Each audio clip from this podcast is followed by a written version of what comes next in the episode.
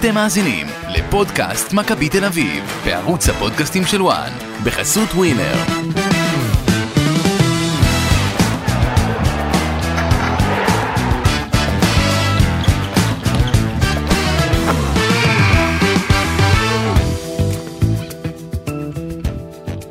פודקאסט אה, מכבי תל אביב. נפגשים שוב, מוקדם אה, מהצפוי. כבר אמרת לי שבוע הבא ניפגש, תכנון היה, יום ראשון, אה, אה, שבת בלילה, הזעקת אותנו. לדבר על המשחק עם אשדוד, למרות שידענו שיהיה מאמן. כן. אפילו אמרתי שיהיה מאמן. אה, כן, וקרה, יש מאמן.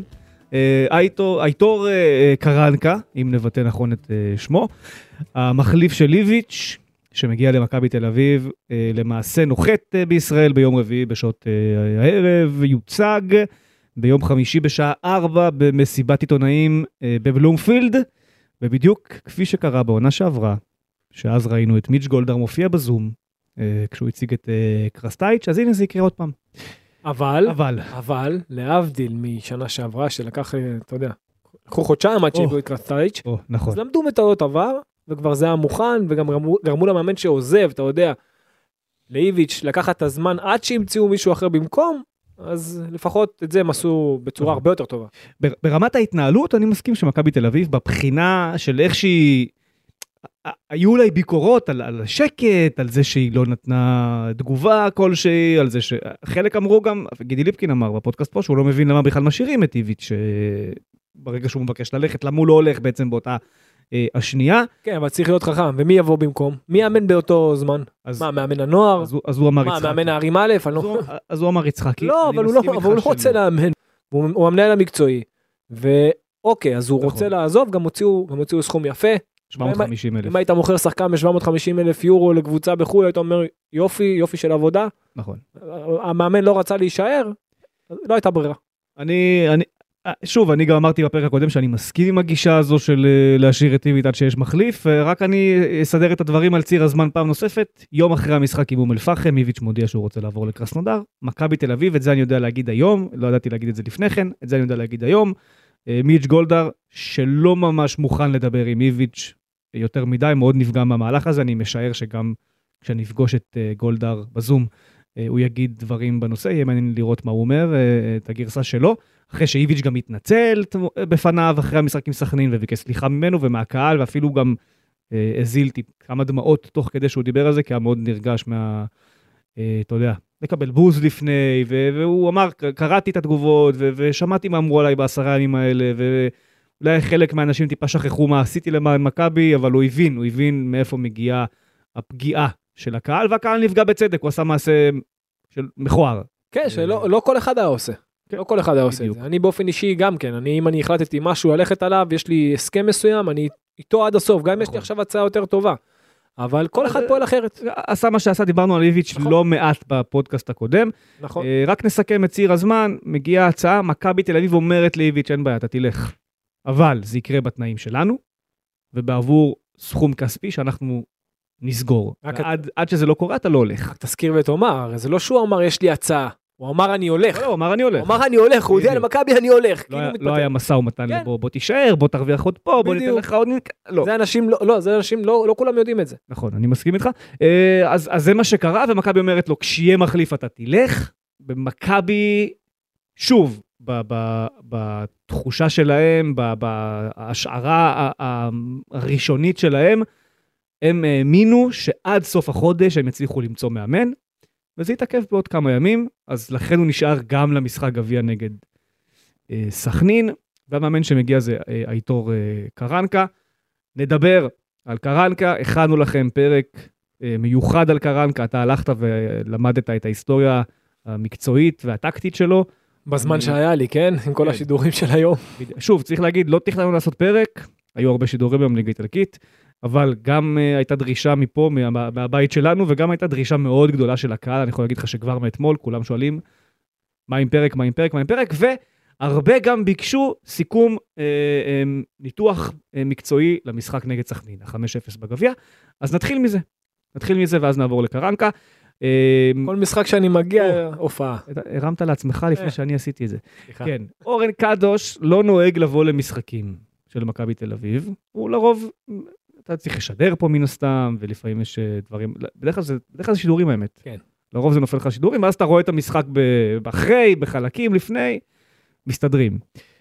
היו שלושה משחקים שבאת לראות איתי בבלומפילד. 5-0 בדרבי, נכון? כן. 3-0 העונה על נתניה, נגמר? כמה נגמר? 3 או 4-0 על נתניה? בבלומפילד? נכון? ועוד פעם 5-0 על סכנין. אז אה, אם מישהו פה רוצה לארגן איזושהי מגבית... גם באירופה הייתי איזה משחק באירופה? אחד שגם הלך טוב, כן. גם באירופה הייתי... אה, נגד... אה, בחזרה של ערן זהבי. כן. ונגד אה, אריס. נכון. ניצחון, הגול השני של זהבי. יפה. אז גם שם היית, נכון? אה, אז מי שרוצה לארגן, אפילו, לא, גם נגד ניס היית. ב-1-0 של ניס. נכון. פריצה. נכון, נכון, גם נגד ניסן. מאזן מושלם. כן. אז אם מישהו רוצה לארגן... אבל זה לא אני, אה, זה איביץ'. אני חושב שזה הזמן של אוהדי מכבי לארגן פה אדסטארט. בעצם לשלם לך במקום השידורים פה, ושתבוא למשחקים בבלומפילד, ואז יהיה לך אה, זה, לא? עזוב אותך, נו. יפה, טוב, אמ, 5-0 על בני סכנין, עולים לרבע הגמר, מכבי תל אביב, בא למשחק הזה, למדנו שממש דקות בודדות לפני שעולים השחקנים אל קר הדשא, יצחקי אוסף אותם אה, במנהרה, ומודיע להם שזה המשחק האחרון של איביץ', אה, ושהמאמן החדש רואה אותם אה, בבית. יכול להגיד לך, אולי יצחקי לא יודע את זה, הוא הוא יודע את זה היום, הוא- הוא אמר את זה. לא. הוא אמר את זה לשחקנים. יצחקי יודע את זה בוודאות היום, הוא לא ידע אולי בזמן אמת, שבתוך חדר ההלבשה שלו יש שחקנים שיודעים שהמאמן זה קרנקה. כי הוא חוזר עם חואן טוריחו, מאמן הכושר, ואתה יודע, דברים... אה, דולפים. דלפו קצת, כן, אה, הוא רצה לעדכן כנראה את חבריו בישראל שהוא חוזר, ואיכשהו זה הגיע. חלק מהשחקנים כבר ידעו, יכול להגיד לך, שלושה ימים לפני המשחק מול סכנין, הם כבר ידעו שהמאמן זה קרנקה, ולא דלף. זה כל הכבוד להם. יפה, כל הכבוד. אה, למרות שכן, ביום עצמו, כן התחיל לרוץ בוואטסאפים של האוהדים מהבוקר, השם שלו, והיה דיבור מאוד חזק, אה, וכן, קרנקה. אז אה, גם כל הכבוד לאוהדי מכבי. שאגב, גם את איביץ' ב-2018, דלף השם דרך הקהל, אתה יודע את זה? מדהים. התחיל לרוץ בוואטסאפ, לא יודע, הסיפור שלו סופר. צריך לבדוק מי הראשון. אולי צריך- סיפור להעסיק אותו. פינת סיפור. לסיום מסיפור להתחלה. 2018, איביץ' מגיע. אתה יודע, זה גם עידן של אה, הכל מתחלף, ג'ורדי הלך. אתה לא יודע מה, מה הולך להיות, לא, אה, אף אחד לא הכיר את מנספורד יותר מדי, ו- ואתה לא יודע אם זה הגיע ממנספורד, זה הגיע מאנגלידיס, מי בוחר, מי מחליט, איך מחליטים. ופתאום יום אחד בוואטסאפ קופצת לך, קופצות הודעות של אוהדי מכבי תל אביב, שראו את ולאדה ניביץ' במקום של בשר עם ג'ק אוכל ארוחת אה, ערב, והוא יחליף את, אה, הוא יהיה המאמן. עכשיו, אתה אומר לעצמך, למה שמישהו במכבי, אוהד מכבי תל אביב, למה לעזאזל שמישהו ראה אותם במקום של בשר וידע להגיד, אה, זה ולאדה ניביץ', מאיפה אתה יכול לדעת שזה ולאדה ניביץ'? האיש אימן שנה אחת את פקסוניקי וזהו, והיה לפני זה בנוער. מי לעזאזל זיהה את איביץ'? לא התייחסנו לזה, אתה יודע, היה קשה גם להתייחס ברצינות לידיעה הזו, כי אתה אומר כאילו, מה, אה, אמרנו, טוב, אולי איזה שמועה וזה. אז אתה קורא עליו, אתה אומר, רגע, הוא עבד עם ג'ק בפאוק, אז אולי זה כן נכון. וכן, זה, זה היה נכון, אז כל הכבוד לאוהדי מכבי, שיש שם כמה, יש בתוכם כמה עיתונאים חמודים אה, שיודעים, כן. כן. אה? רצית להגיד משהו? תגיד. לא, לא, אני איתך, זה שהם זיהו גם את איביץ' וגם אוקיי. עכשיו, זה, תשמע, צריך לבדוק מי הראשון. אה, מי הראשון שזיהה? כן, מי הראשון שזיהה, מעניין. צריך להעסיק אותו. הראשון שזיהה שיכתוב לי בטוויטר. בדיוק. טוב, אה, אז ה-5-0, צמדים של ערן זהבי ואוסקר גלור. אבל רגע, אבל צריך הוכחות, אתה אה, יודע. צריך. הוכחות, שיראה שהוא באמת הראשון. יש לך את כל הקבוצות של מכבי. אני יודע מי שלח לי את זה, אבל לא יודע אם הוא הראשון. אה, אני לא אחשוף את שמו. בכל אופן... סכנין, סכנין. צמדים זהבי, צמד של זהבי גלוך וגול של אבי ריקן בכדור חופשי. אתה רוצה סיקור קצר על המשחק? אני רוצה סיקור קצר עליו. ישבנו ביחד, נכון. וכבר מהשנייה הראשונה אמרתי לך, ככל שסכנין תתקוף, טוב לך. למה? הם, סכנין באו בחמש, שתיים, שלוש. ממש, כאילו, אתה ראית את הוואד, קרדוסו ומלמד, ממש למעלה, שני שחקנים בלבד באמצע, ברגע שאתה מחלץ כדור, האמצע היה פרוץ. באמת, זה היה טוב לך. עכשיו, במיוחד כשכבר כבשת את השער הראשון, בוא, שער יפהפה של זהבי, אבל גול שוער, אין פה בכלל מה לומר, בעט לפינה של השוער, אני לא מבין מה השוער עשה. אמ, סליחה, לאחר מכן, כבר סכנין הרי רוצה לחזור למשחק, אז מה היא עושה? היא יוזמת, יוצאת קדימה, ומי שלא מכיר את הקבוצות אומר בואנה, אז הם יכולים לחזור, הם נראים טוב, הם נראים לא רע, אבל זה היה, אתה יודע, ישבתי לידך, אמרתי לך, כל רגע, ברגע שאתה מחלץ כדור, מגיע השני, מגיע השלישי, זה, זה יהיה קל. כבר בחצי הראשון יכול להיות 5-0, לא רק 3-0. אמ, שער, שער שני, ג'רלד שם מגיע עד קו הרוחב, הכל נכון, כל ההתקפה נבנית נכון, מעבר נכון, מגיע לאזור היותר רחוק של הרחבה, גלוך משם לחיבור הרחוק, שער פנטסטי שלו, באמת, אם הוא לא היה כובש את השני שלו, שנדבר על זה תכף, אז השער הזה גם כן, הוא מדברים עליו בצורה הזאת. אה, באמת, שער יפהפה שלו, חשיבה נכונה לרחוק, אבל אה, אתה יודע, הכל כאין וכאפס, בגול, אה, אתה יודע, לעומת הגול השלישי. בדיוק. הגול השלישי, מתפרצת נפלאה, שדרך יובנוביץ' מגיע לגלוך, מה שגלוך עושה זה, זה על המסי, על הבאג'ו דל פיירו, מי שאתה לא רוצה, ראינו, ראינו לא מעט שערים כאלה, אתה יודע, בהיסטוריה של הכוכבים הגדולים, נכון, זה דבר כזה. נכון. זה, זו, זו גאונות, זו טכניקה עילאית, זו חשיבה שבאמת, זה יוצא דופן, הוא לא שייך לפה, וזה רק אומר לך, איפה הוא היה משחק קודם? נכון, איפה הוא היה בקריית שמונה? נכון. ופה, ש... אלו החצים שצריכים להישלח. איפה? למה שהוא ישחק רק חצי שעה, השחקן הזה, פלוס תוספת? זה שחקן שכל רגע שהוא יכול לשחק, הוא חייב להיות על המגרש, אלא אם כן הוא עושה משהו לא בסדר. אני חייב להגיד שבתחילת העונה, ובדיוק אנשים ביקרו אותי. בפרקים של אירופה במיוחד אפילו, וגם כשהתחילה הליגה, זה התחיל בזה שאמרו, אבל, אבל אם מנצחים, אז למה אורן תמיד מדבר על השלילי של אוסקר שהוא לא משחק? וזה היה בפרקים של אירופה. ואז כשהוא כבר התחיל לשחק וגם היה טוב, אז קיבלנו הרבה פידבקים, אני ואתה, כל אחד בדרך אחרת, מאנשים שאמרו כאילו, אבל למה אתה מרים לו כל כך? למה אתם מרימים לאוסקר בלי הפסקה? כן. כאילו הוא ילד בן 18, נכון. תנמיכו. יפגע בו. זה... אבל אה, אני, אני אגיד את זה... חברים שלי אמרו לי את זה. חברים שלי טובים, אוהדי מכבי, כן, רובם, רק אמרו לי, תפסיק להרים לילד, רק תחשבו- יפגע בו. אבל אני אומר, רגע, זה- קודם כל זה התפקיד שלי. מי שמ... אני בעיניים שלי, מי שמגיע לו יותר, צריך לשחק, והילד הזה. חייב לשחק. תחשבו על מצב שמכבי חיפה פותחת בלי שרי, משחק, מה היו זה עושים? בדיוק אותו דבר. מה היו עושים לברק זה בכר באותו רגע? זה בדיוק אותו דבר. זה בדיוק אותו הדבר, הפוך. פה זה פוטנציאל להיות משהו, שרי כבר לא, הפוטנציאל שלו עכשיו כבר לא, ממומש, זה- זהו. זה שחקן שלך, זה פוטנציאל, שגידלת. שחקן שלך, שאתה גם יכול לעשות עליו מיליונים. זה אחד שאתה צריכה להיות הוראה, הוא לא יורד מהמגרש. ו- לא יורד. יהיה מעניין שוב לשמוע מה גולדהר אומר, אבל אני, ממה שאני יודע לפחות, במכבי הייתה אכזבה מאוד גדולה מהקטע הזה של ההתנהלות מול אוסקר. זאת אומרת, אם לא גולדהר, גם אוסקר לא נשאר לו חותם חוזה. המחשבה הזאת, בדיוק, וגולדהר התערב אישית, זה, חלק מהעניין, גולדהר התערב אישית בנושא הזה של להשאיר את אוסקר, זה היה חשוב לו גם בר, ברמת הבן אדם, ברמה של הבעלים, ו, ולגולדהר, ברור, זה נכס. לגולדהר יש הרבה צדדים שלא דוברו לאורך השנים, אבל הוא לא אדם שקובע, אבל כשיש אה, עניין עקרוני שחשוב לו, והמאמן לא הולך בדרך הזו, אז, אז זה מוריד לו. תשמע, זה מוריד לו, ולכן אני, לכן שוב, לתחושתי, כשאיביץ' אומר אני רוצה ללכת, אין אפילו, אין אפילו פידבק של תודה, אה, לא, אז תישאר. חד משמעית. זה כבר היה כזה ברמת, אתה יודע מה, אז תלך. גם, אבל תוסיף לכך, אתה יודע, יש פה, מעבר לכך שאתה יודע שהוא נכס והוא משביח את עצמו, וזה נכס למכבי תל אביב, אתה יודע, אתה, אתה משקיע כל כך הרבה במחלקת הנוער, נכון. מבחינת כספים, שחקנים, עניינים, אז עד שיוצא לך אחד כזה, שזה באמת, זה אחד לא בדור, לפה. זה אחד בדור. ואתה. זוכר מתי אני אמרתי לך את זה כשהוא היה ב-15 והיה משחק נגדי בנערים א' וזה. עצמו, אחרי המשחק, אז ליאור ברקוביץ', הבן של, הוא מצייץ בטוויטר, אבא אני מצטער, אבל אוסקר יותר טוב. אז אני חשבתי את זה עוד מלפני שלוש שנים. אה, הוא עדיין טעון הוכחה באירופה, כן, אבל... תקשיב, אבל ברמת הזה זה הפוטנציאל נראה שלו, מדהים. הפוטנציאל שלו, נכון. לא שהוא, שוב, כבודו של כל אחד במקומו מונח, אתה יודע, ברקוביץ' היה, אין, אין דברים כאלה, גדלתי נכון. עליו. אבל אוסקר, מבחינת הסיומת, מבחינת, זה דברים שאין אין לאף שחקן, לא, היה, לא זוכר שחקן כזה. נכון, נכון. לא, אני- זוכר, לא זוכר עשר, אנחנו משכנעים אחד את השני ואנחנו משוכנעים. ותחשוב שהוא גם משחק לא בתפקיד שלו רוב העונה. נכון. הוא משחק 50-50 העונה, זה ממש לא התפקיד שלו, אמרו, הוא לא טוב הגנתית, תראה מה הוא עושה. אז בוא, אנחנו נדבר תכף, כי זה מתחבר מאוד לקרנקה. אבל ס- סכם רגע, בוא, לי- בוא, סכם זהו, בוא נסיים. המשחק. אחר כך היה את האדום הבאמת. הוואד צריך להיות מורחק לארבעה, חמישה משחקים לפחות על הכניסה הזאת. אתה יודע, יש פה, אני שוב נוגע ב- ביהלום הזה. זה משהו שהוא ערך, לאו- אתה יודע, הוא נכס לאומי, לא רק למכבי תל אביב.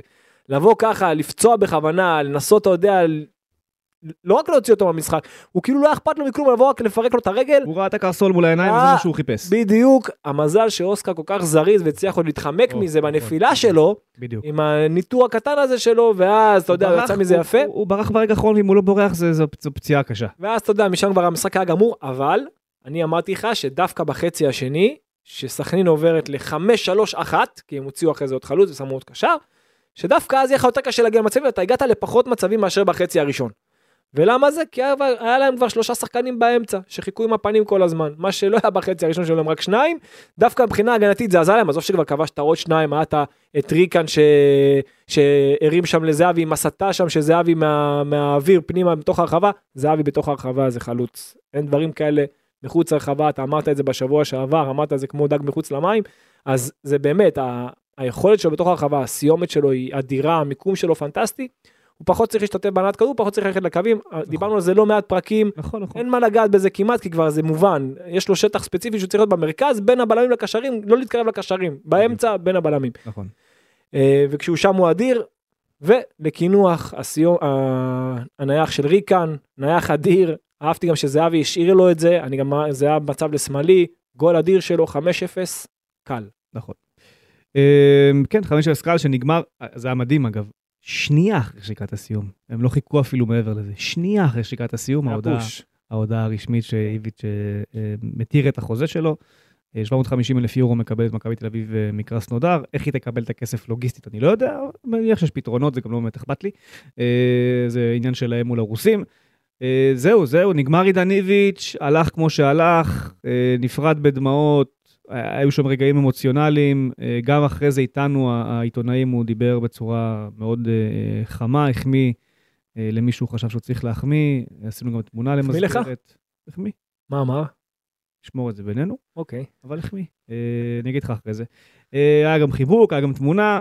בסך הכל, אני חושב שאיביץ' עשה מהלך מאוד מכוער, הוא יודע את זה, הוא גם יודע מה אני חושב, כי אמרתי לו. אבל בסוף כבן אדם, ברמת הבן אדם, ברמת הבן אישי, אחלה איביץ', באמת. גם הוא, גם קרסטייץ' לפניו. אז אני לא יודע מבחינת הבן אדם. באמת אנשים טובים, באמת מבחינת. מבחינת מאמן, מאמן, הוא מאמן מצוין. נכון. יכול להתווכח. לא, דיברנו עליו כמאמן, היה קבוצה מאומנת. פרק שלם. קבוצה מאומנת. נכון. כן. עוברים לבחור הבא, אה, הייטור אה, אה, קרנקה, שיש הרבה מה להגיד עליו, ואני אתחיל, אני אתחיל מ... בוא נאמר מסקירה, תחת הכותרת מי, מי זה הייטור קרנקה? אז בואו נתחיל. אה, קרנקה בן 49, היה בלם אה, בעברו, ימני ברגלו, אבל שיחק בשתי עמדות הבלם, ימין ושמאל. גדל במחלקת הנוער של דפורטיבו אלווס, אה, וכמו כל בסקי שהיה טוב בכדורגל, מצא את עצמו באתלטיק בלבאו. אליה הוא הגיע לקבוצת המילואים. זה קורה בשנות ה-90. בקבוצה הבוגרת של בלבאו, כשהוא עולה אל הקבוצה הבוגרת, מחכה לו יופ איינקס הגדול, המאמן האגדי שעשה כמובן אה, חייל במהלך השנים בלא מעט קבוצות, גם בריאל, גם בביירן בעיקר, אה, אימן אותו שם, ובהמשך הוא גם לוקח אותו לריאל מדריד ב-1997, בסכום של 6 מיליון יורו, שבזמנו... זה מאמן הוא היה? זה, מאמן. זה מאמן. זה מאמן. בזמנו זה היה המון כסף, 6 מיליון יורו, כן. אה, לבלם, בטח שזה בתוך הליגה עצמה. קרנקה היה שותף לשלוש זכיות בליגת האלופות עם ריאל מדריד. בגמר של 99-2000, מי ש... אה, יש הרבה ממאזינו, נגד ולנסיה. יש הרבה ממאזינו שלא נולדו בכלל בתקופה הזו, אבל מי שכן, אז ב-99-2000 היה גמר כל ספרדי. נכון. ריאל מדריד נגד ולנסיה. ראול. ולנסיה גם הייתה קבוצה אגדית. נכון. מנדיאטה וכל הדברים האלה. מנדיאטה וקלאודיו לופז. לופז וברחה וכל הדברים המטורפים שהיו כן. שם. 3-0, אה, וקרנקה פתח בהרכב וגם השלים את כל 90 הדקות. בנוסף לשלוש זכיות בליגת האלופות, שאגב זה הכי הרבה לזר שהגיע לישראל, אוקיי? לפאולו סוזה היו שניים.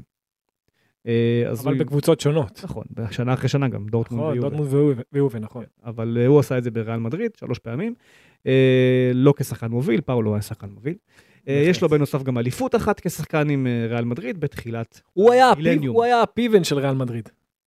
בדיוק אותו דבר. זו הגדרה יפה. כן. הוא היה הפיבן של. היו אז פרננדו ירו ואיוון אלגרה, נכון. הם היו הבכירים כביכול, נכון. והיה אותו. כן. כן, יפה, זו הגדרה מעניינת. כן. מה זה אומר על פיבן עכשיו? אה, כן, ב-2002 הוא עוזב אה, את ריאל מדריד, וחוזר לבלבאו לעוד ארבע שנים, לפני שהוא מסיים את הקריירה שלו ב-MLS בקולורדו רפידס, שם הוא משתף פעולה עם דדי בן דיין, מאמן קבוצת הנוער של מכבי תל אביב בימים אלה.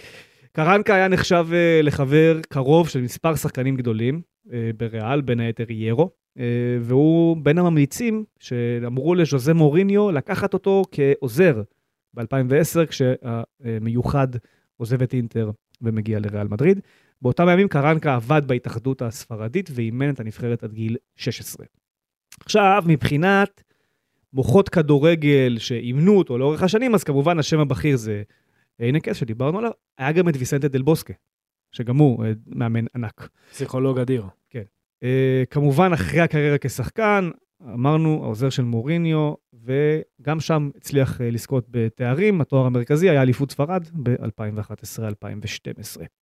אחרי שמוריניו עוזב את ריאל מדריד, הוא עוזר לקרנקה לקבל תפקיד ראשון כמאמן בוגרים, כאשר קרנקה הוגדר באותם ימים כיורש של מוריניו, ה baby מוריניו הוא היה אמור להיות, והוא עובר למידלסבורו, שבאותו הזמן, אה, זה קורה בנובמבר 2013, היא בתחתית הליגה השנייה באנגליה. אה, שם הוא גם רושם את תקופת האימון הארוכה ביותר בקריירה, מנובמבר 2013 ועד לחודש מרץ 2017, שאז הוא פוטר. במהלך התקופה הזו הוא מעלה את מידלסבורו לפרמייר ליג בעונת 2015-2016, מהמקום השני והאוטומטי למעשה בליגת המשנה אה, באנגליה. זה גם הישג השיא שלו כמאמן אה, בוגרים, משם מתחילה הירידה. בינואר 2018 הוא ממונה לנוטינגאם פורסט, גם בליגה השנייה באנגליה, מחזיק שם בתפקיד בדיוק שנה, אה, ועוזב בינואר של 2019. למעשה, ופה יתחיל אה, לחזור איזשהו מוטיב שמלווה את קרנקה בשנים האחרונות. הוא מתפטר אחרי חילוקי דעות עם ההנהלה. לא הסכימו שם על נושאים מקצועיים, אסטרטגיית רכש, סגנון המשחק, מאוד לא אהבו את הסגנון שלו ואיך שהוא משחק. וקרנקה בינואר 2019 אומר, יודעים מה, לא מתאים לי להתראות. מתפטר. כדורגל השתנה מאז 2013 ל-2019. נכון, והוא מחליט לעזוב מהבחינה הזו. אה, שזה אגב, זה גם ראוי לציון לטובתו. יש כאלה שמתעקשים עד הרגע האחרון, תפטר אותי, זה הולך. אה, התחנה הבאה הייתה בירמינגהם, גם היא בליגה השנייה ב-2020, הוא אפילו קיבל חוזה לשלוש שנים. כשהוא חותם צ'ק. פתוח. נכון. אה, גם שיחק נגד איביץ'. איביץ' היה בווטפורד, היה בברמינגהם, איביץ' ניצח. אה, החוזה היה לשלוש שנים, אבל אה, בחודש מרץ דרכו מסתיימת אחרי רצף הפסדים, שמרחיק את הקבוצה מהמטרה שלה, והצ'ק הפתוח נסגר וקרנקה הולך הביתה. אה, יושב בבית, קרנקה למעשה למעלה משנה, עד שגרנדה, בעונה שעברה, בחודש אפריל, נלחמת על חייה, מחליפה 90 מאמנים בערך באותה עונה בשביל לשרוד, ומביאה את קרנקה ב-18 באפריל. אה, עם שישה, היו תוצאות לא רעות. שישה משחקים בסך הכל, זה מה שהיה לו. אה, סיים שלוש פעמים בתיקו, הביס את מיורקה 6-2, ניצח את אתלטיק בלבאו, ניצחון יוקרתי נגד האקסיט שלו, אה, אבל בסופו של דבר, מחזור לפני הסיום, הוא מקבל את בטיס. בטיס שנמצאת בעונה אדירה וגם רוצה, נלחמת על מקום בליגת אלופות באותם ימים, היא חייבת את הנקודות, היא מנצחת אותו בטיס, וזה הופך להיות המשחק אולי הגורלי בתוך הסדרה הזו, כי אם שם הוא עושה תיקו הוא נשאר, אבל זה לא קרה, הוא הפסיד. מחזור הנעילה, זה עדיין תלוי בו, הוא צריך ניצחון על אספניול, נגמר 0-0. לא מצליחים לתת גול, וגרנדה יורדת. אבל היו משחקים טובים. חמישה משחקים טובים אפשר להגיד, גם נגד בטיס הם נראו לא רע אה, במשחק, אני יצא לי גם לשדר את המשחקים האלה, את רובם. גם לי אפילו יצא. את השש-שתיים נגד מיורקה שידרתי לצורך העניין. אה, הם, הם נראו טוב, הם באמת נראו טוב, הם עשו דברים טובים. זה מתאים, הסגנון לקבוצה תחתית, אנחנו נגיע לכך. נכון, הוא ניסה להישאר ליגה בקבוצה שהוא לא בנה, נכון. ובשישה משחקים זה קשה. אה, ובגרנד היו מרוצים מאיך שהקבוצה נראתה, ולכן ממשיכים איתו אל הליגה השנייה. למרות אה, שהתחלפה ההנהלה והכל, אותו השאירו. נכון, התחלפה ההנהלה, וקרנקה מגלה מציאות לא נעימה בכלל, כי היו שינויים בסגל, והשינוי הכי מרכזי היה שלקחו לו את לואיס מיה.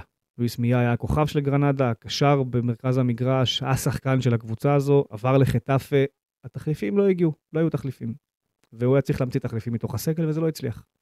אה, והקבוצה שלו אה, קורסת. ובחודש נובמבר, אחרי סדרת משחקים אה, לא טובה, כשהקבוצה הזאת קצת רחוקה מהמקום שמוביל לפלייאוף, מחליטה לפטר אותו. הוא בעצם יוצא לפגרת המונדיאל כמובטל. אה, יושב בבית, בסך הכל חודש וחצי.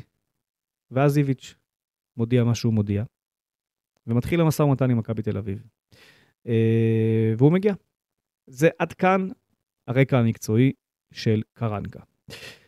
עוד דבר שחוזר על עצמו לא מעט בכתבות אה, שקראתי לגביו, כולל אפילו דודו עוואט, שמכיר קצת והיה סביב הכדורגל הספרדי גם אחרי שהוא פרש. אה, וגם הוא מעיד על זה שלקרנקה בעצם אין מעצורים בפה. עכשיו, עד כדי כך אין לו מעצורים בפה, שמוריניו מאוד אהב את זה, והיה שולח אותו, הרבה פעמים מדבר במקומו, במסיבות עיתונאים. הוא אהב את זה, אתה יודע.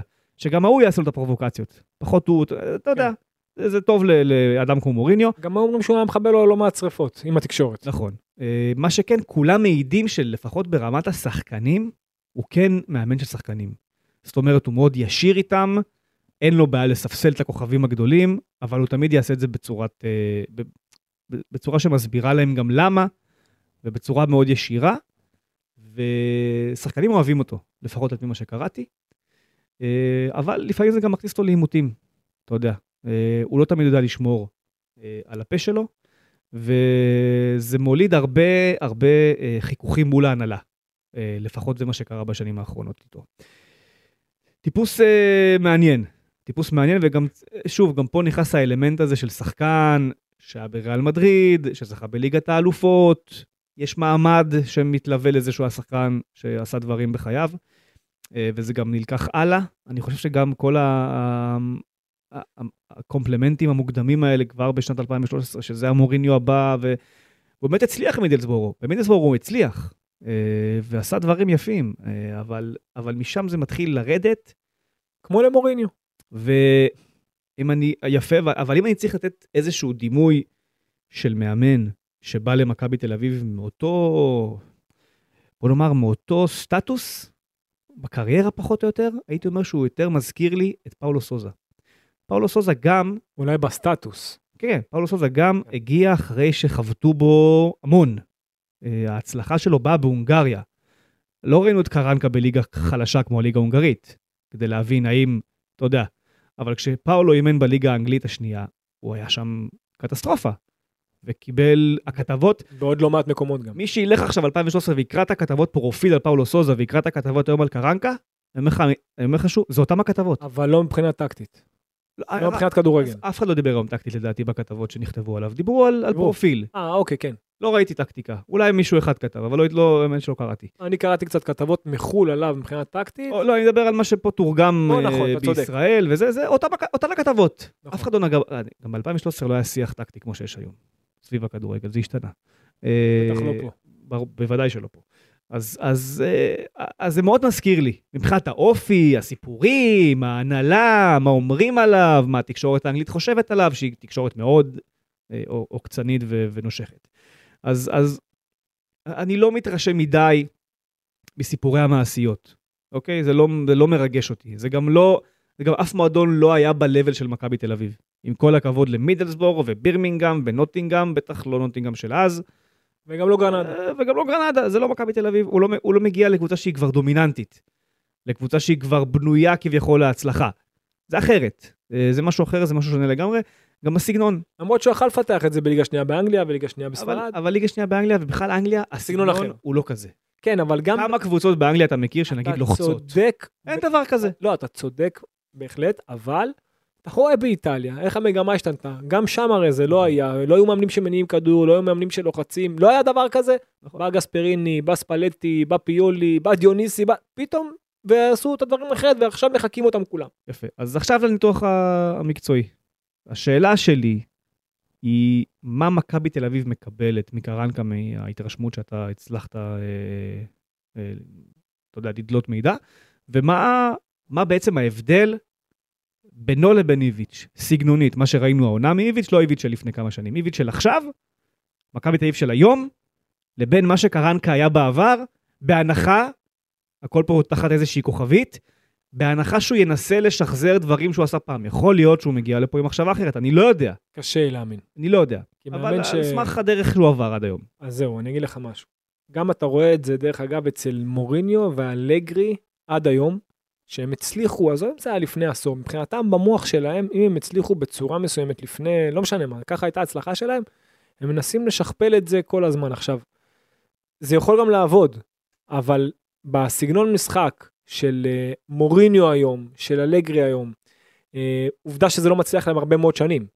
אז בסגנון משחק שהוא ראה, אתה יודע, הוא היה ליד, הוא היה ממש ליד, היה הכי צמוד שיש למוריניו, והוא ראה את הקבוצה, את ריאל מדריד, אז עם אה, שיא שערים, ושיא נקודות, והכל עם רונלדו וכולם, והם הצליחו בדרך שלא הייתה כמו של ברסה, והרבה מאוד משחק מעבר, ועמידה נכונה טקטית, ויציאה מהירה קדימה, אבל היום הכדורגל השתנה.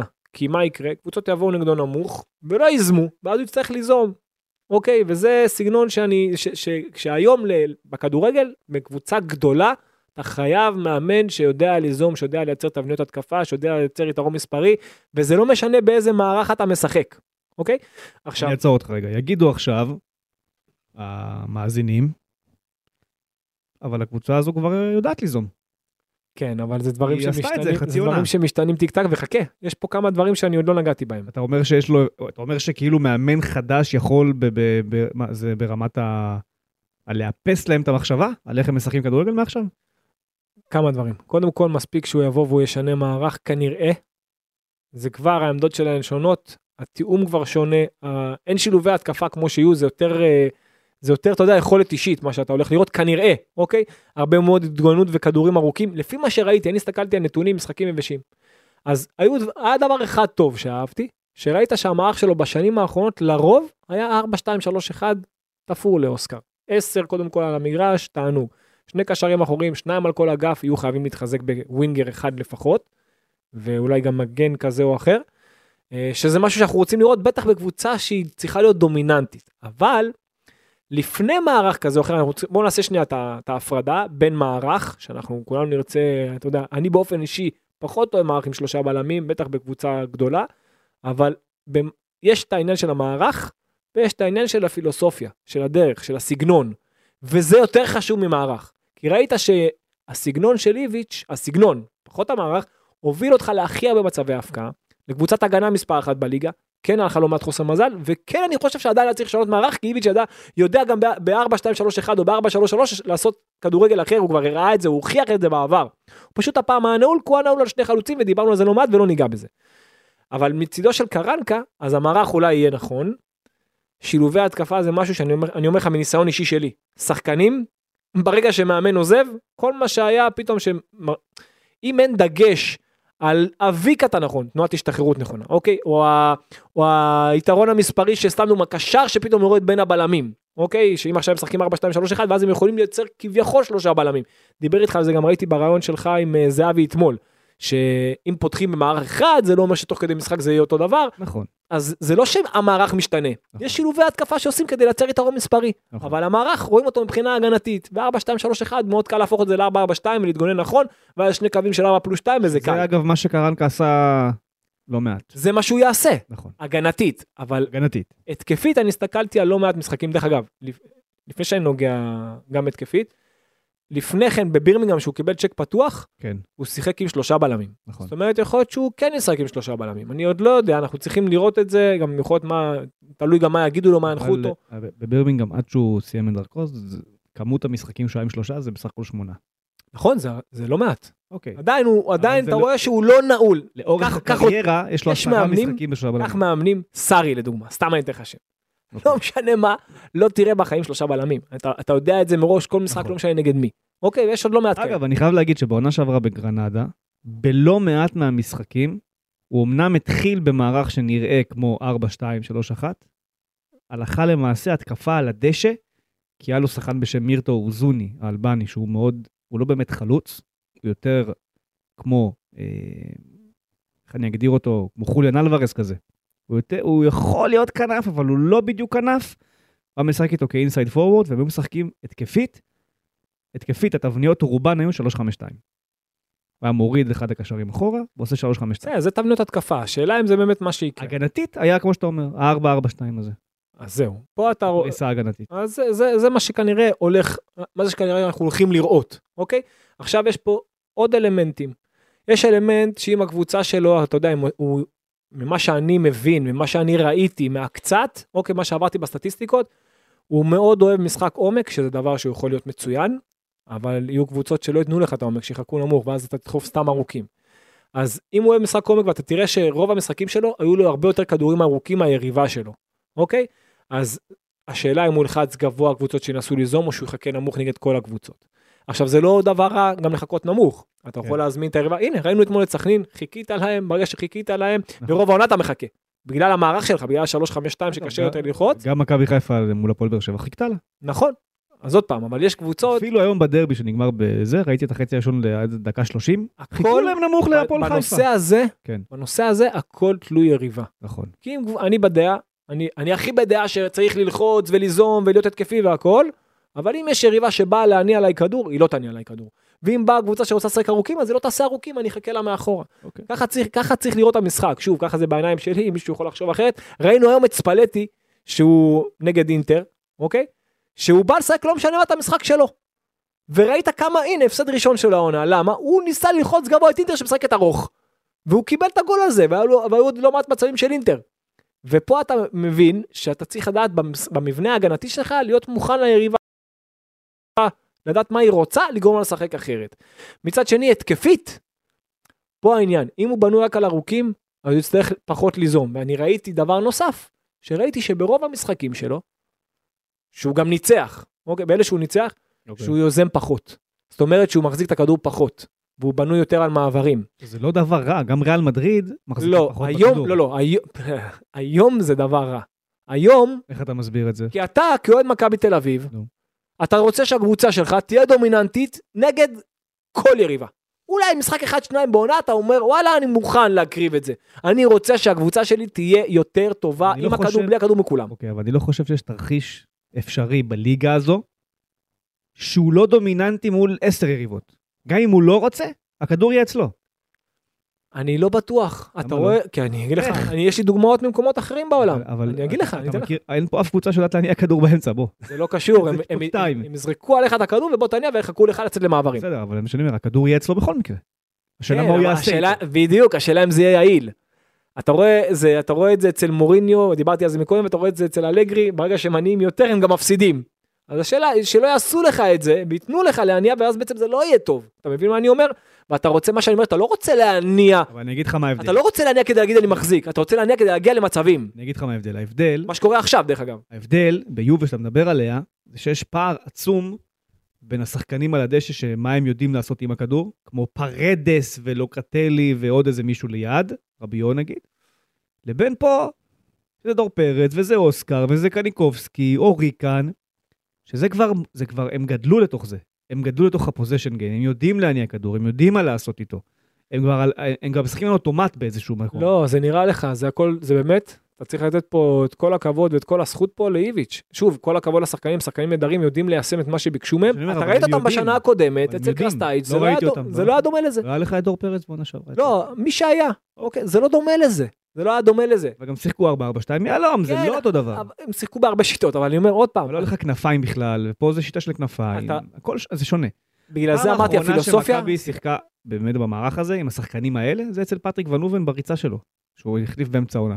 שהיה לך את יונתן, נכון, והיה לך את דור פרץ, נכון. והיה לך את ריקן, לא היה לך את אוסקר, לא היה לך את גניקובסקי, היה לך- היה לך אפילו פחות טוב מזה על הדשא. נכון. בפועל. היה לך דן ביטון אה, כזה.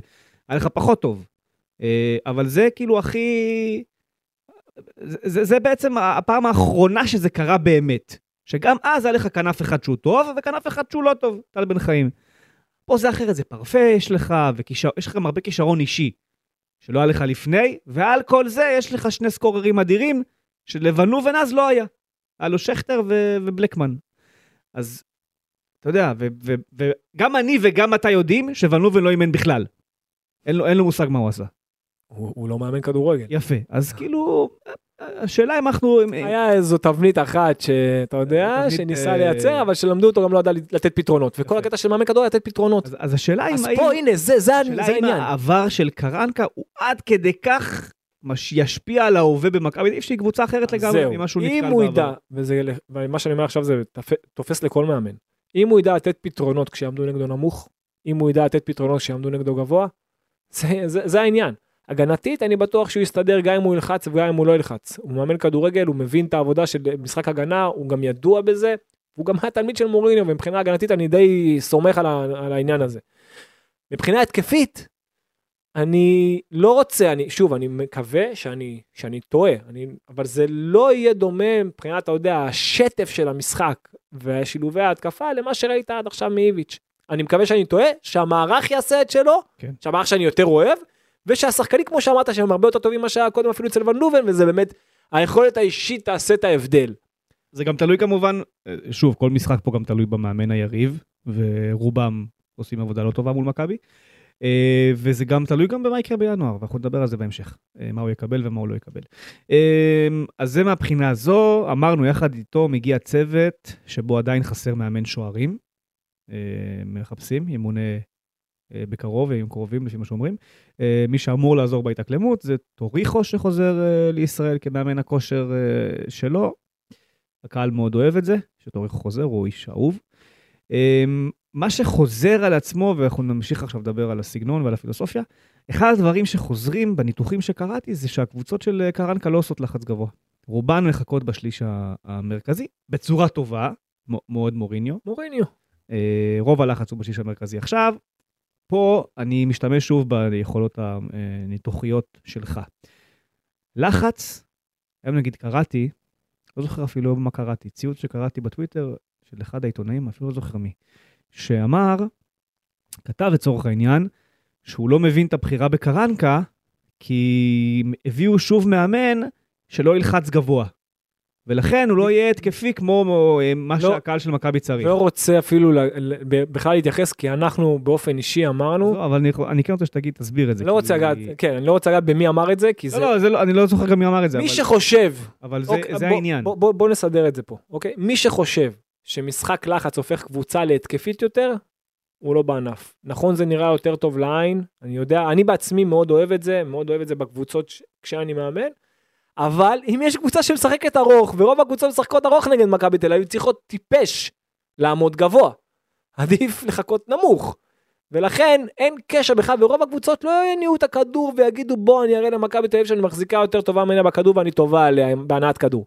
ולכן האמירה הזאת היא לא קשורה למציאות, דווקא זה שהוא מעמיד את הקבוצה שלו נכון בעמדות, אם זה שליש מרכזי ואם זה אפילו בשליש הראשון, זה עדיף למכבי תל אביב מאשר מאמין שמאמין רק בלחץ גבוה, ספציפית. שלא תבין, שוב, אני- הוא צריך לדעת רוצ- לעשות את שני, את שני נכון, הדברים. אני רוצה לחזור על המשפט, לחץ הוא פעולה זה פעולה הגנתית. זה פ... כל. רגע, שנייה. כל פעולה, הגנתי. כל... פ- רגע, כל פעולה בלי כדור, זו פעולה הגנתית. לחץ זו פעולה בלי כדור. כל פעולה עם כדור, שהכדור אצל הקבוצה שלך, זו פעולה התקפית.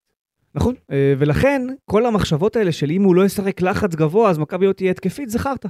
זה לא קשור בעצם, זה לא, נכון, זה לא, הסברנו זה את לא זה. להבין נכון את המשחק. אה, ולכן זה דווקא לא בהכרח דבר רע שהוא מחכה בשליש מרכזי. אגב, איביץ' בקדנציה הראשונה חיכה שליש מרכזי. רגע, ומה עכשיו? נכון, ומה הייתה הביקורת על רגע, איביץ'? ומה עכשיו? למה הוא לחץ? לא. היה משחק אחד שהוא לחץ? הוא לא מאמין בזה, וזה בסדר. זה לא רק שהוא לא מאמין, במערך שלו זה לא התאים לא, גם. ראית את זה גם אז, הוא לא מאמין בזה. כן, הוא נכון. מאמין בלחכות באמצע, תחטוף את הכדור באמצע ואז תתחיל את ההתקפה. אתה, וזה- וזה- אתה צריך לגרום, אם אם אתה עדיף על יריבה, אוקיי, כן. שנייה, אני חוזר למה שאמרנו קודם במילים אחרות. אם אני עדיף עליך, נכון, אני רוצה לגרום לך לצאת ולהרגיש טוב שתשחק. בדיוק, שתהיה חשוף מאחור. יש לי. יותר שטח במעבר בעצמי, במקום שאתה תעשה לי את המעבר. נכון, במקום שאתה תעקוץ אותי, אני אעקוץ אותך. בדיוק. זה- זו החשיבה. יפה. אז אה, זה לעניין הלחץ. אמ, פחות מאמין בפוזיישן גיים, אמרת, זה פחות טוב. נכון, אבל זה, בוא נראה הלכה למעשה איך זה פועל בקבוצה שהיא מכבי תל אביב לצורך העניין, והאם באמת גם פה, זה מאוד מתאים לכדורגל של שנות ה-90 ותחילת ה-2000. נכון, זה לא מתאים לעידן הזה, לקבוצה גדולה. אוקיי, בגלל זה, פה, פה הסימן של השאלה, אתה יודע מה? זה לא רק הוא, זה, זה לא רק הוא, זה לא רק הוא, זה גם הרבה תלוי מי הצוות שבא איתו. יכול להיות שיהיה לו עוזר מאמן, סתם דוגמה, אני, אני יכול להגיד לך מניסיון, שיש פתאום עוזר מאמן שלוקח על עצמו את נושא הנעת הכדור ושילובי ההתקפה, נכון. ואז הם עושים את זה מדהים.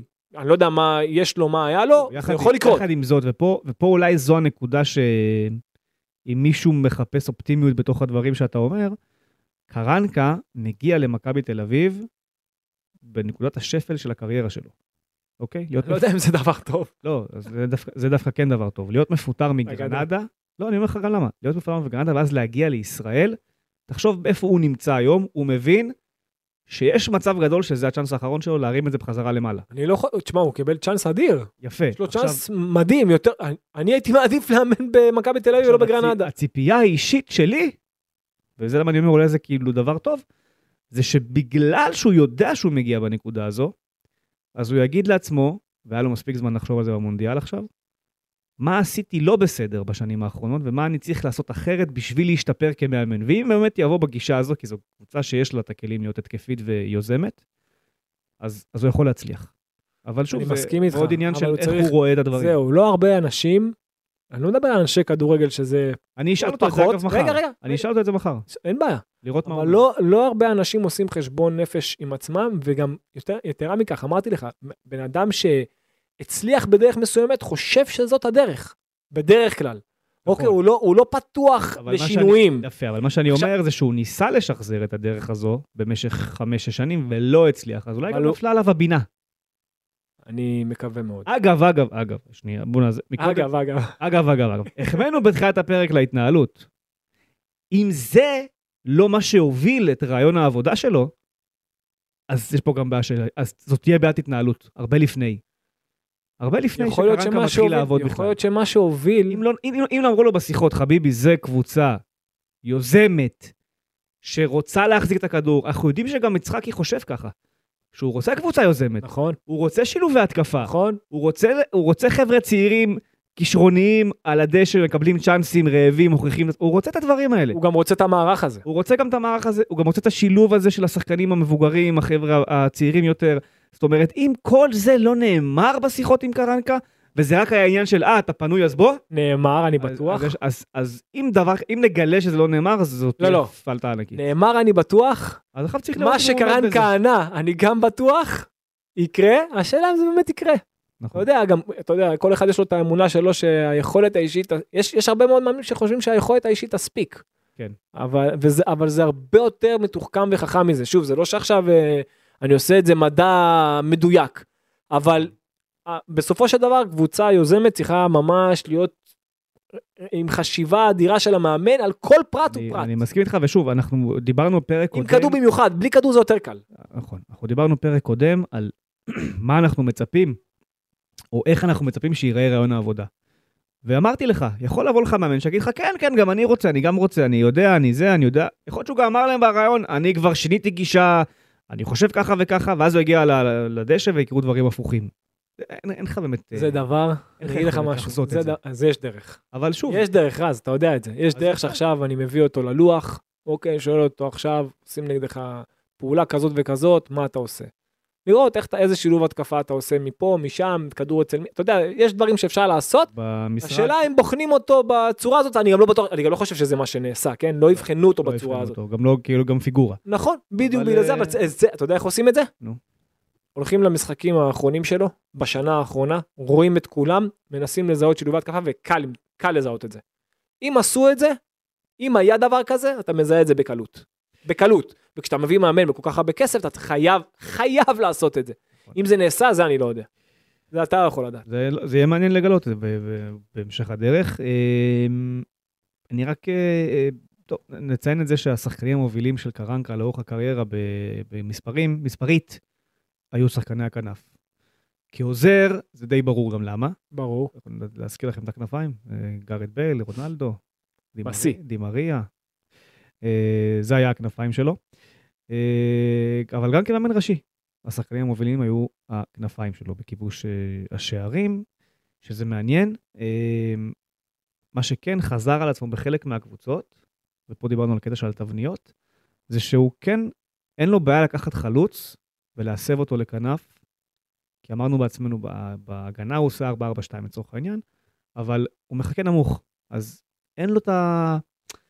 הוא לא מחפש את הלוחץ המטורף הזה למעלה, החזיזה הזה, אצילי, הוא לא מחפש כאלה, אין לו כאלה בקבוצות שלו.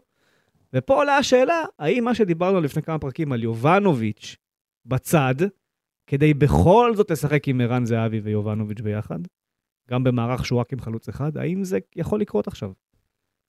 כי יובנוביץ' בצד שמאל ונגיד כהן בצד ימין. כן, אבל בשביל מעבר אתה צריך מוסרים טובים, ולא לחלץ את הכדור גבוה. הם. יכולים, הם יכולים, רגע, הם יכולים לחלץ את הכדור גבוה אם לוחצים גבוה, אבל לא נראה שזה יקרה, ואז משם באמת, שיובנוביץ' קרוב לאזור השער, אם עכשיו הוא, סתם דוגמא, אתה מזיז אותו לכנף, אז הוא יכול לעשות את הפעולה בעצמו. אבל מבחינת אה, מוסרים, אתה תצטרך דווקא יותר פרפה כזה בקו שמאל, יותר יונתן כהן בצד ימין, שגם יכול לעשות את החיתוך פנימה עם השמאלית שלו, נכון. זה ממה שיש לך עכשיו. אתה יכול לנסות, ואולי יובנוביץ' כן יהיה טוב, הוא גם שיחק לא מעט פעמים בכנף בעונה הקודמת, וזה היה נראה לא רע לפרקים, ולפעמים היה הרבה פחות. נכון. אז צריך לדעת לראות אם הוא בשל לזה, אם הוא מתאים לזה. אני בכלל בדעה, ש... וזה דבר חשוב, חשוב לציין את זה, וגם תוך כדי שאני מדבר איתך, זה פתאום עולה לי התובנה הזאת. אם הקבוצה הזאת משחקת 4, 2, 3, 1, נגיד והיא תשחק כך, אוקיי? והיא תחכה בשליש המרכזי או נמוך כדי לייצר מעברים, אין לך היום אף שחקן אחד מבין השלישייה הקדמית שהוא שחקן של עומק. ופה הם יצטרכו לחזק הרבה יותר ממה שהיה עד עכשיו, כי, כי בכדורגל, בסגנון הזה של כדורים ארוכים יותר ולחכות נמוך, אתה חייב שחקנים עם חשיבה וחזון של עומק ולרצות לקבל את הכדור קדימה ולא לרגל. שזה קצת חסר לך, אולי יובנוביץ' כזה יכול להיות, אבל עדיין זה לא מהירות זה לא דין דוד כזה. אוקיי, וזה דבר שחסר לך. אה, אולי יונתן כהן אולי יוכל לפתח את זה, אני גם לא, חושב, לא יודע אם זה יספיק, ו, ופרפה צריך ללמד אותו לעשות את זה, כי הוא לא עושה, הוא מחפש רק לרגל. אז זה גם משהו שמכבי צריכה לחשוב עליו. כן, אני מסכים. אמ, ולכן אני חושב, שוב, אני, אני מבין למה אנשים הולכים אחורה ואומרים, אוקיי, הוא היה מקובל איזשהו דבר מסוים, והוא יביא אותו גם לפה, ולכן, אבל אני חושב שהוא יראה, הוא ראה את הקבוצה משחקת, הוא יראה אותם באימונים, לנסות להכריח אותם לעשות דברים שהם לא יודעים, זה לא יהיה חכם גם מבחינתו כמאמן. אז אני לא יודע כמה הוא באמת יתעקש על, על מה שאנחנו מדברים עליו, לחכות נמוך ולעוף קדימה במעברים, כי אין לו את זה היום בסגל. יכול להיות שבחלון העברות... שמע, ביחס לקבוצות בליגה, יש, יש קבוצות שהוא יכול לעשות את זה. עדיין זה מספיק, אה, יש מספיק מהירות ביחס לרוב הקבוצות, אבל יהיו כאלה שזה לא יספיק. נכון. אגב, דווקא במשחקים הראשונים שלו, אשדוד וביתר, הוא נראה לי ישמח שהם יניעו כדור. זה הכי קל לעקוץ את שתיהן. ברור, מה זה? צריך את ההגנה של ביתר. כן. אה, אשדוד מנסה להניע דרך האמצע, היא מנסה להניע, מנסה להחזיק, מצד שני ביתר רק רוצה שיזמו נגדה. נכון. אבוקסיס. אז uh, מעניין. Uh, למרות ששוב, למשחק נגד אשדוד לא הייתי מצפה יותר מיני דברים, אני אפילו די בטוח שהוא יעלה בדיוק באותה... באותו המערך שלי, ואין לו ברירה אחרת, אני לא מאמין שהוא ביומיים יכול לעשות משהו. יש לו ברירה. יש לו, ברור שקודם כל יש לו ברירה. ביומיים? יש לו ברירה. יש לו ברירה גם, ב, ב, גם ביום. אם הוא מחליט שהוא אומר, אני אצלי שלושה בלמים לא יהיה, עזוב שזה לא המקרה, כן? אני אומר. יש, יש מאמנים כאלה, עוד פעם, יש מאמנים שאתה יודע שאצלם לא יקרה. לא יקרה שלושה בלמים. אני גם, דרך אגב, אני גם בדעה, אני, אתה יודע למה אני, אני, בדעה, אני, למה אני בדעה הזאת? אני בדעה הזאת לא מבחינה התקפית, שאומרים מה, עוד בלם. הפוך, אני בדעה הגנתית, שאני מעדיף עוד קשר, שיקבל את ההתקפות יותר מקדימה מאשר למשוך את ההתקפות נגדי, אתה יודע, לאזור שלי. נכון. אז דווקא מבחינה הגנתית אני לא מעדיף עוד בלם. נכון. לא התקפית. אז אה, יכול, אני לא יודע מה הוא יחליט, אני גם לא יודע מה ינחו אותו. יכול להיות שעכשיו, סתם דוגמה, המנהל המקצועי ברק יצחק יגיד לו, תשמע, תשחק אה, עם שני בלמים ופרץ וקניקובסקי אחוריים, גלוך עשר נדיר ופרפה ויונתן וחלוץ תבחר מי שאתה רוצה, או, או יובנוביץ' בקו וזהבי בחוד. עכשיו נגעת בנקודה שרציתי להגיע אליה והובלת אותה בעצמך. ברק יצחקי, נתחיל, נתחיל את זה, אתה יודע, בראי ההיסטוריה, אוקיי?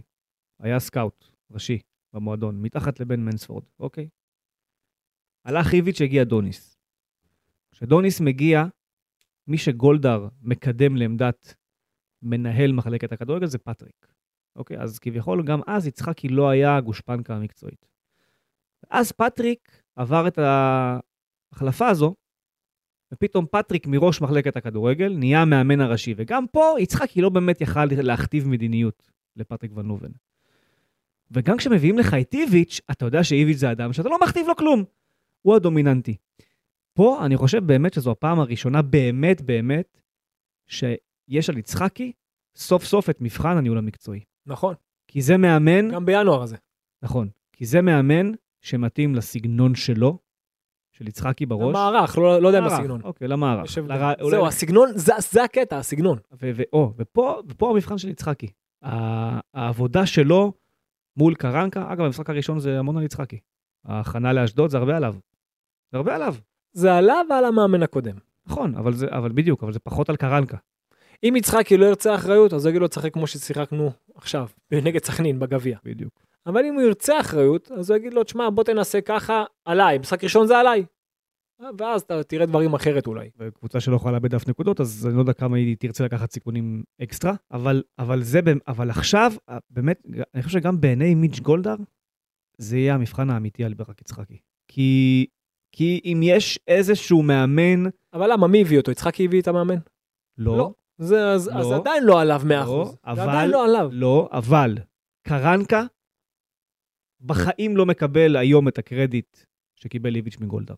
לא, בחיים לא. ולכן, גם על יצחקי מונחת עכשיו הרבה הרבה יותר אחריות, גם בעיני הבעלים, גם בעיני הבוסים, ואני חושב שהוא יודע את זה. אני חושב אבל שיש תוספת לאחריות, לא פחות אם לא יותר, למי שהביא את קרנקה.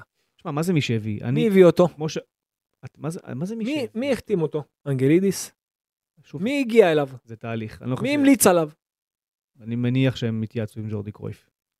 לא, לא, אבל מי ממכבי המליץ עליו? ג'ורדי קרויף עובד בברצלונה. מי, במכבי... ממליץ? איך אתה יכול להמליץ עליו?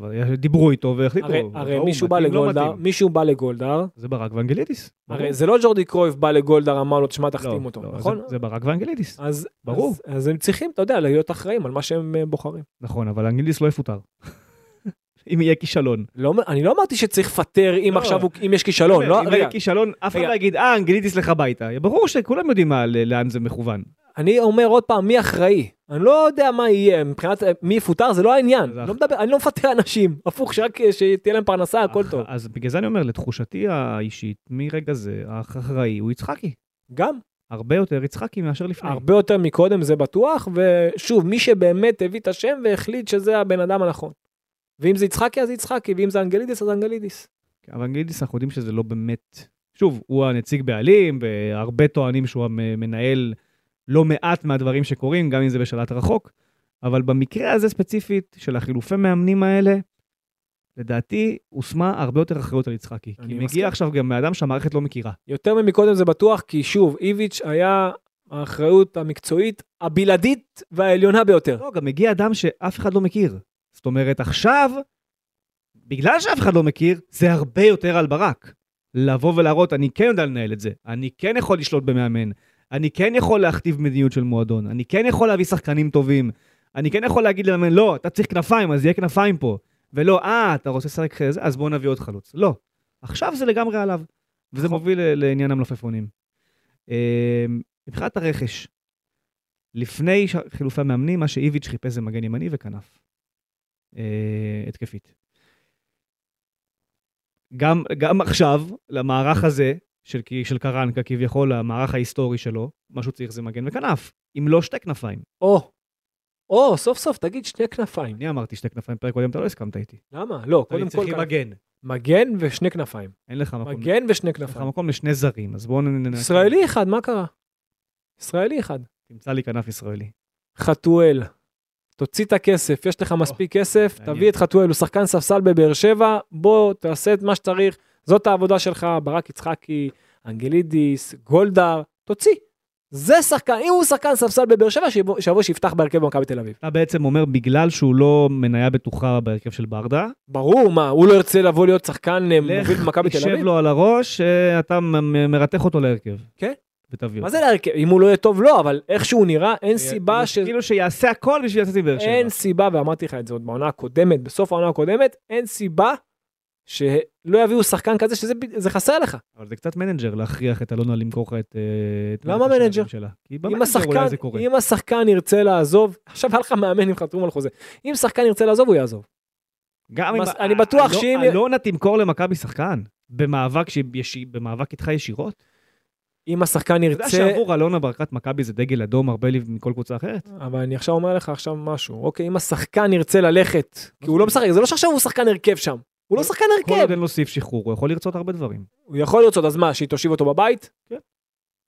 יכול להיות, אבל אני יכול להגיד לך, שאם השחקן ירצה ללכת באמת, ו- ויהיה סכום נכון, אפשר, אולי אפשר, אולי, בוא בוא נגיד ונקריא... הייתי מנסה, אוקיי, נ- הייתי מנסה להביא. ניסית, לא הצלחת. מה אתה לא עושה? הצלחת, אתה מביא כנף אחד ומגן ימני אחד.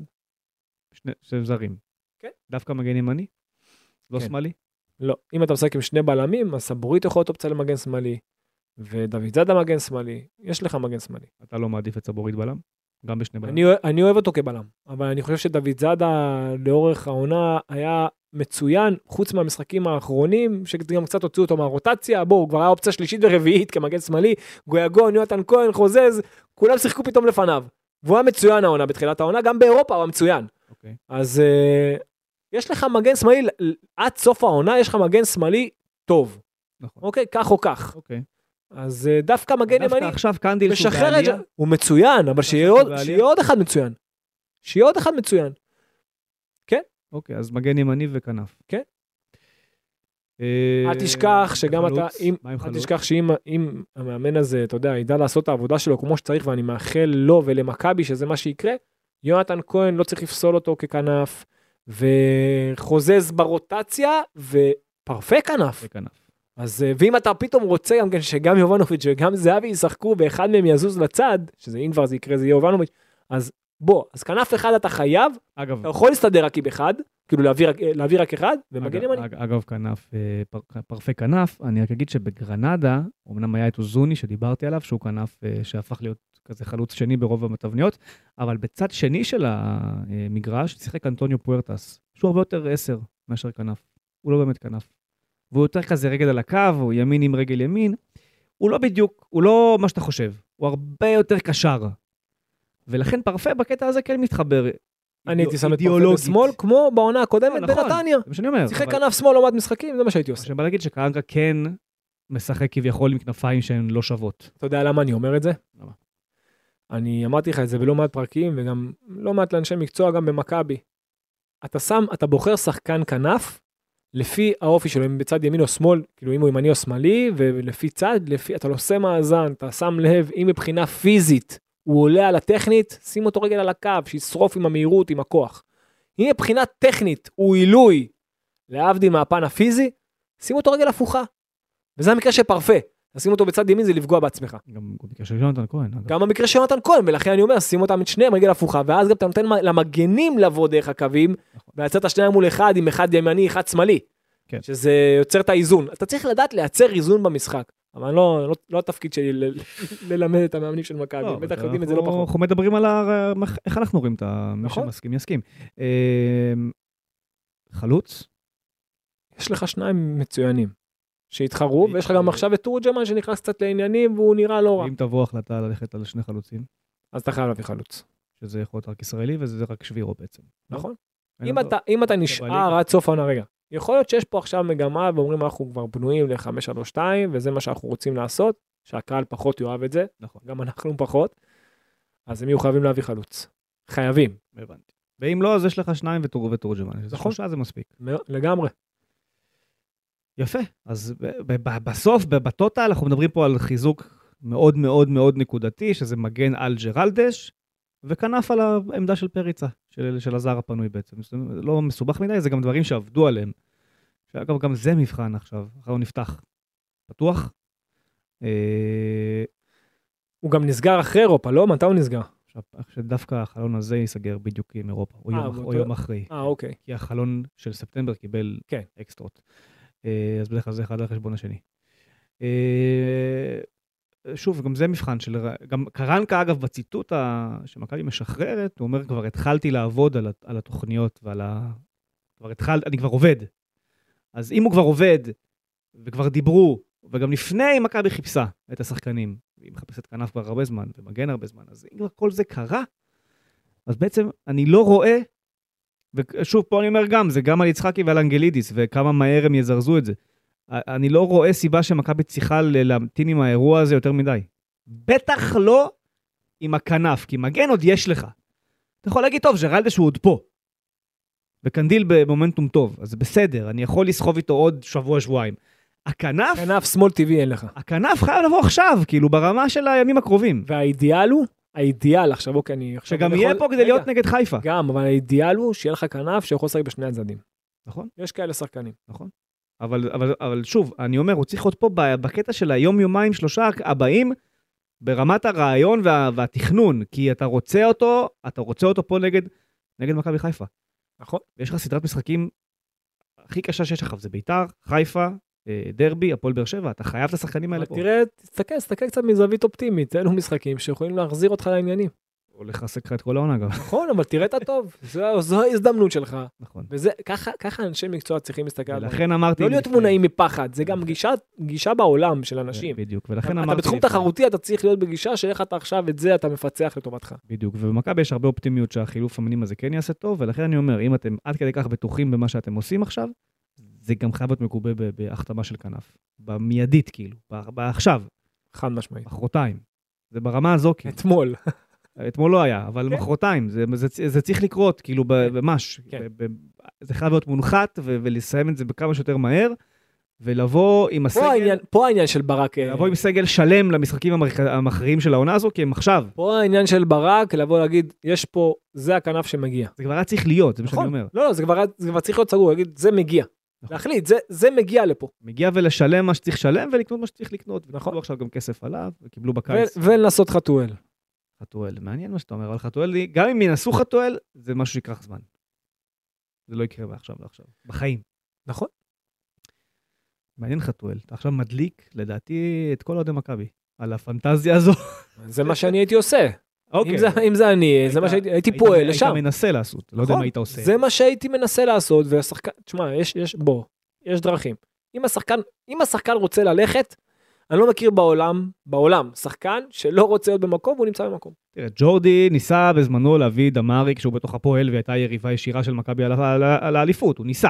אוקיי, הוא גם הוציא את אה, ורמוט ביום של דרבי מהמועדון, אז כאילו, זה לא שלא ניסו פה לפני, והכסף הוא כמובן פקטור, והכל טוב ויפה, דווקא, אבל דווקא אצל אלונה, אני יודע שהרבה, זה מניע אותה גם ה- ה- ה- ה- להיות הזה, מכבי זה דגל אדום של אלונה, נו, אין מה לעשות. ואני לא חושב מכבי חיפה דגל אדום שהיא עבורה. נכון, לא, ותל חמיד היא לא נכון. שלחה חיפה עונה. נכון, למה שזה לא יקרה עם חתואל?